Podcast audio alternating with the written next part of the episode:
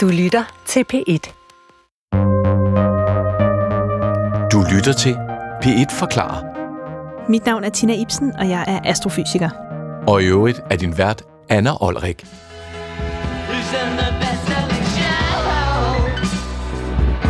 Is there life on Mars?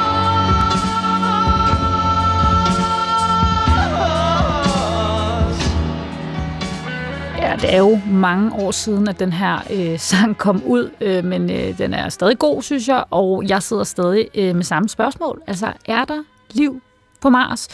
Og Tina, jeg kan forstå, at hvis der er, jeg har en eller anden forventning om en velkomstkomité og nogle grønne aliens, så er svaret måske nej, eller hvordan? Det er nok nej, ja. Men det har man troet. Jamen, det, det er faktisk det, det er virkelig øh, Nok sjovt, nej. fordi... nok nej. Øh, jamen, vi er aldrig 100% sikre ja. inden for noget videnskab. Men, men det er ret interessant, fordi går vi tilbage i tiden til sådan 1850'erne op til starten af 1900-tallet, der var det sådan videnskabeligt godtaget, at selvfølgelig var der liv på Mars. Øh, det var nogle væsener, der mindede om os. De var nok ikke så intelligente, fordi de var længere fra solen, og så var de sådan i deres følelsers vold. Altså, fordi de var længere... Fordi de var længere fra væk fra solen. Det var det, det, var, det var det, der var sådan hele ideen.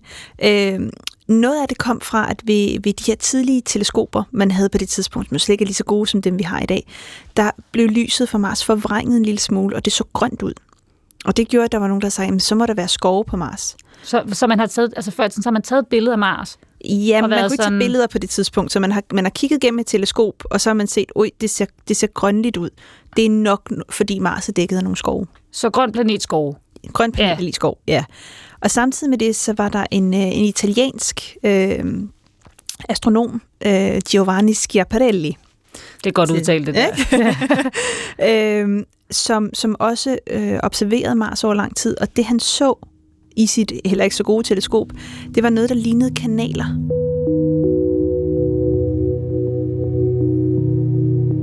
Som altså vand? Som, som, eller- ja, vandkanaler. Øhm, og her der kom der sådan en, en, en sjov ting ind, nemlig at øh, det, på italiensk øh, siger man canali for, for kanaler, men på engelsk kan man jo både have canals, altså som, som kanaler, som lavakanaler, men du kan også have en channel, som er en menneskeskabt kanal. Og der skete altså en sproglig misforståelse, som gjorde, at det var det her channels, altså det menneskeskabte, eller det væsenskabte, hvis man skulle sige det, på Mars, som havde lavet de her kanaler. Så derfor så blev det sådan en, en udbredt øh, idé om, at der var de her kanaler på Mars. Venlig, venlig. Så ham her italieneren, han ser noget og mener overhovedet ikke har ikke en teori om, at det skulle være menneskeskabt, og så bliver det oversat til engelsk, og englænderne er lidt hurtige på aftrækkeren og siger, okay, men så er der øh, liv på Mars. Så er det de her kanaler, der, der, må være liv, de- der må være nogen, der har skabt de her kanaler. Og så fik fantasien frit løb. Altså det, det er ret vildt at tænke på, at det her har været videnskabspersoner, der Så har valgte arbejdet hele verden at sige, okay, vi går med den, den accepterer vi, den præmis. Ja, og det blev sådan en idé om, jamen, øj, jeg, jeg kan faktisk også se de der kanaler.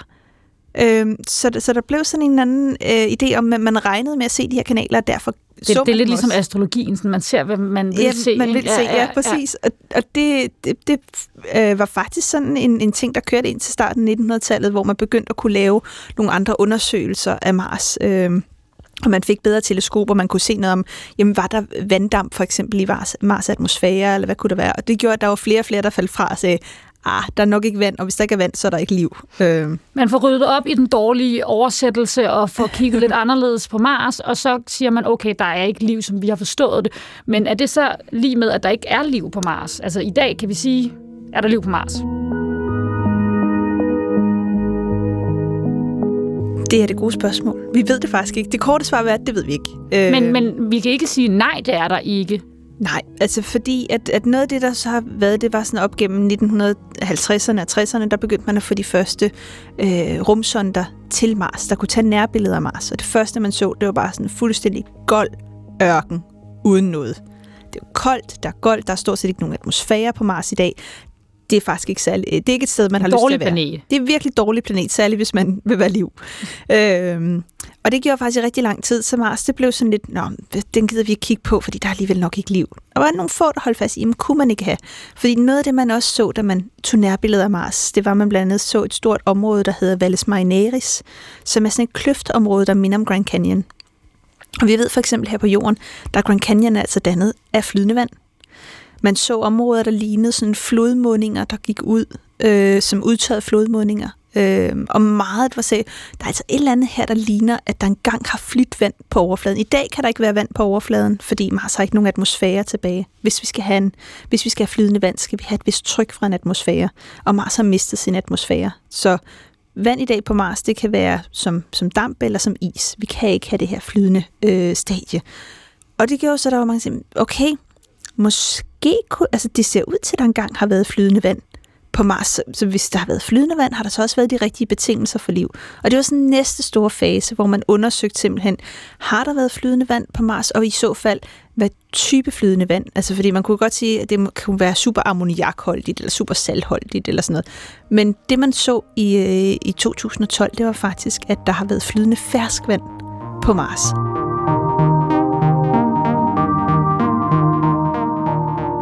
Det har jo lige pludselig fået mange sådan, okay, det kan godt være, at forholdene for Så er der på forhold til, altså for det har det i hvert fald været ja. på et tidspunkt. Og det store spørgsmål nu er jo så, jamen, hvorfor og hvordan mistede Mars sin atmosfære, og derved også sit vand? Men, men der har været ferskvand, altså som sådan det, det, jeg drikker ud af hanen. Præcis. Skal det så betyde, at, at Mars engang har lignet jorden? Altså har det været de samme forhold?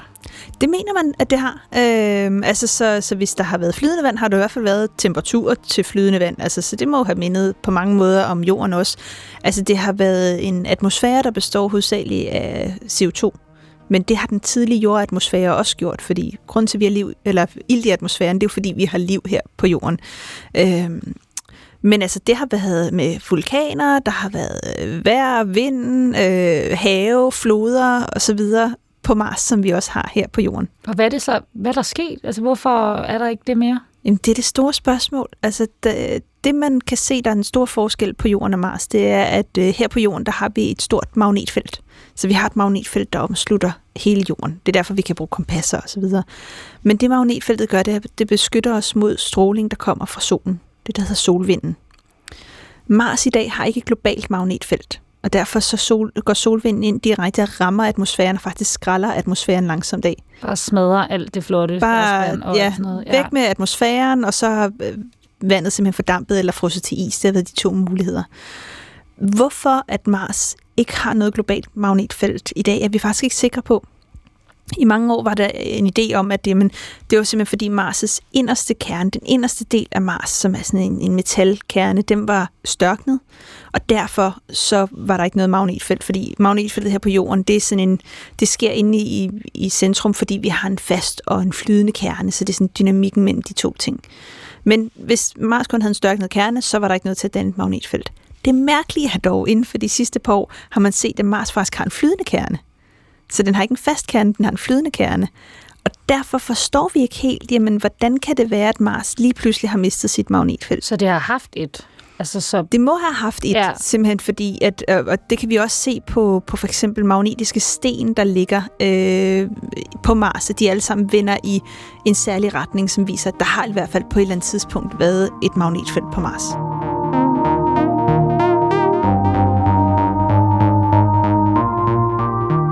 Så altså Mars har umiddelbart været en planet, det gik fint for, så er der et eller andet, der er gået galt, som vi ikke ved hvorfor og håber på ikke sker her.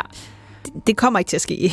Men til gengæld så har jeg øh, hørt noget, som jeg ikke ved om sådan er, er gætteri, men at den her idé om, hvis der har været så gode forhold på Mars, og det egentlig plejede at være en fed planet, og nu er den mega nederen, øh, at det liv, der har været der, hvis det ligesom har været øh, bedre før jorden, at det liv, der er på jorden, i virkeligheden måske kunne komme fra Mars. Er det sådan helt øh, absurd øh, øh, sci-fi-film, eller er der noget om det? Altså, vi, vi er ude på kanten af, hvad man kunne kalde sådan en god videnskab, men. Ja. øh, vi, er, vi er stadig i, øh, i, i noget, som, som videnskabspersoner øh, arbejder med. Og det går simpelthen fordi, at jamen, Mars er mindre, og det vil sige, at den er størknet hurtigere. Så planeten er dannet af, store sammenstød. Og det vil sige, at hele Mars og hele Jorden på et tidspunkt har været sådan en lavaklumper, reelt. Mars er mindre, så den, den øh, kølede hurtigere størknede hurtigere fik hurtigt de rigtige forhold til liv.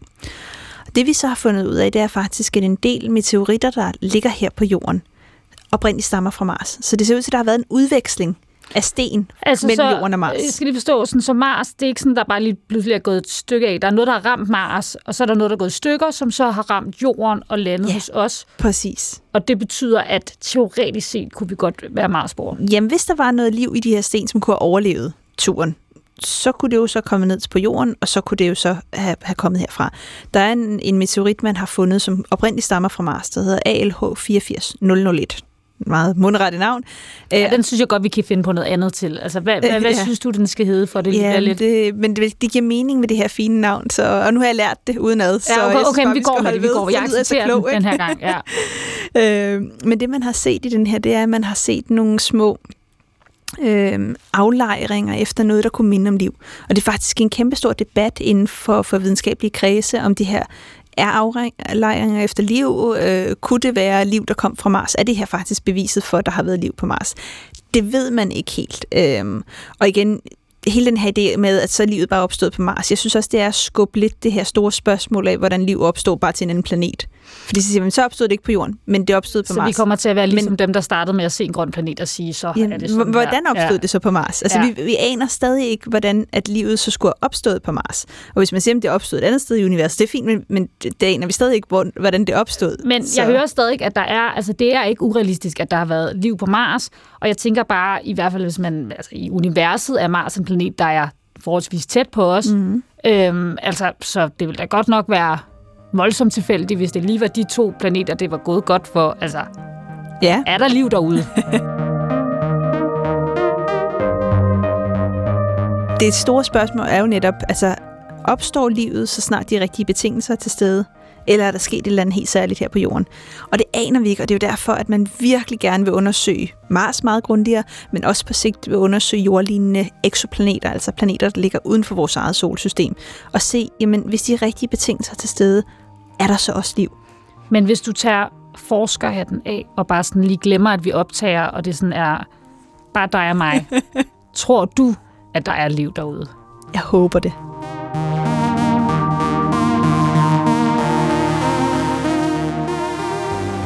Jeg vil lige her til sidst øh, altså høre, om du tror om, fordi man, man altså, leger jo med ideen om, altså det er jo faktisk ved at gå helt af helvedes til her på, på jorden, ikke? at man, kan man i fremtiden bo på Mars? Altså tror du, øh, at det er et scenarie, der kommer til at ske, at menneskeheden kommer til at bo på Mars?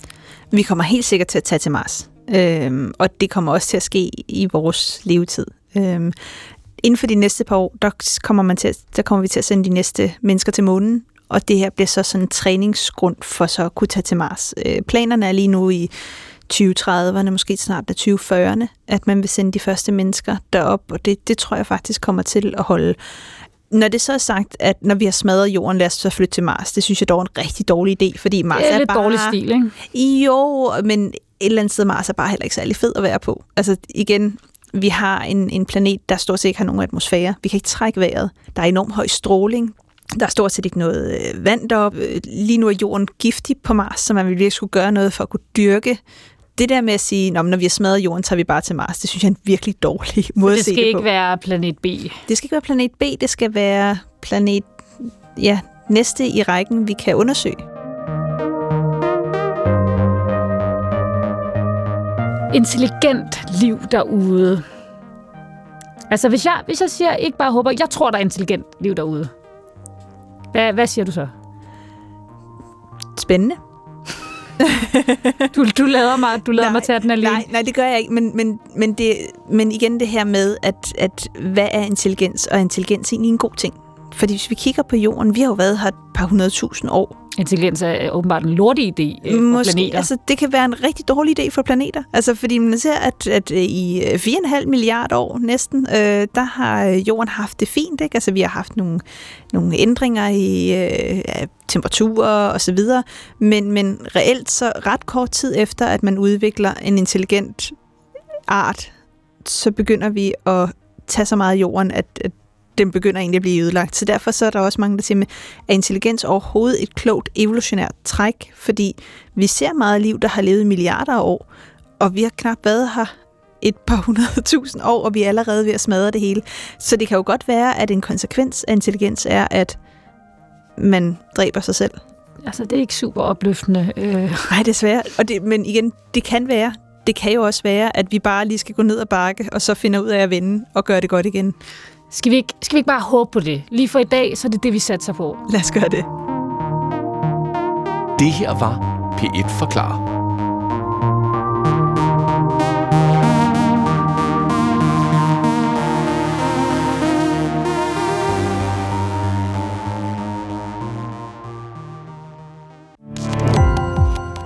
Gå på opdagelse i alle DR's podcast og radioprogrammer. I appen DR Lyd.